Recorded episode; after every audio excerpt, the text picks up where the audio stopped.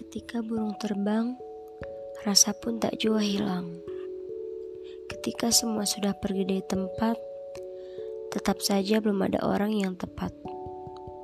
Perasaan itu selalu tumbuh tanpa diinginkan.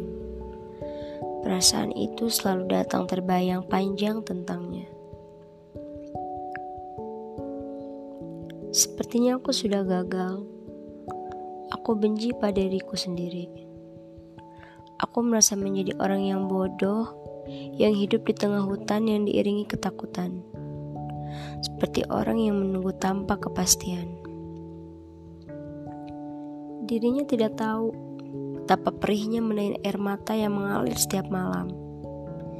Begitu banyak tumpukan kertas yang tercoret tinta hitam yang berisi tentang kejadian semalam.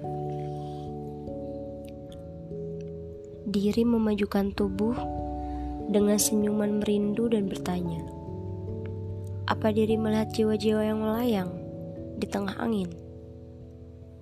Ya, itu adalah rasa yang tersisa dari rindu, tumbuh sebelum diinginkan.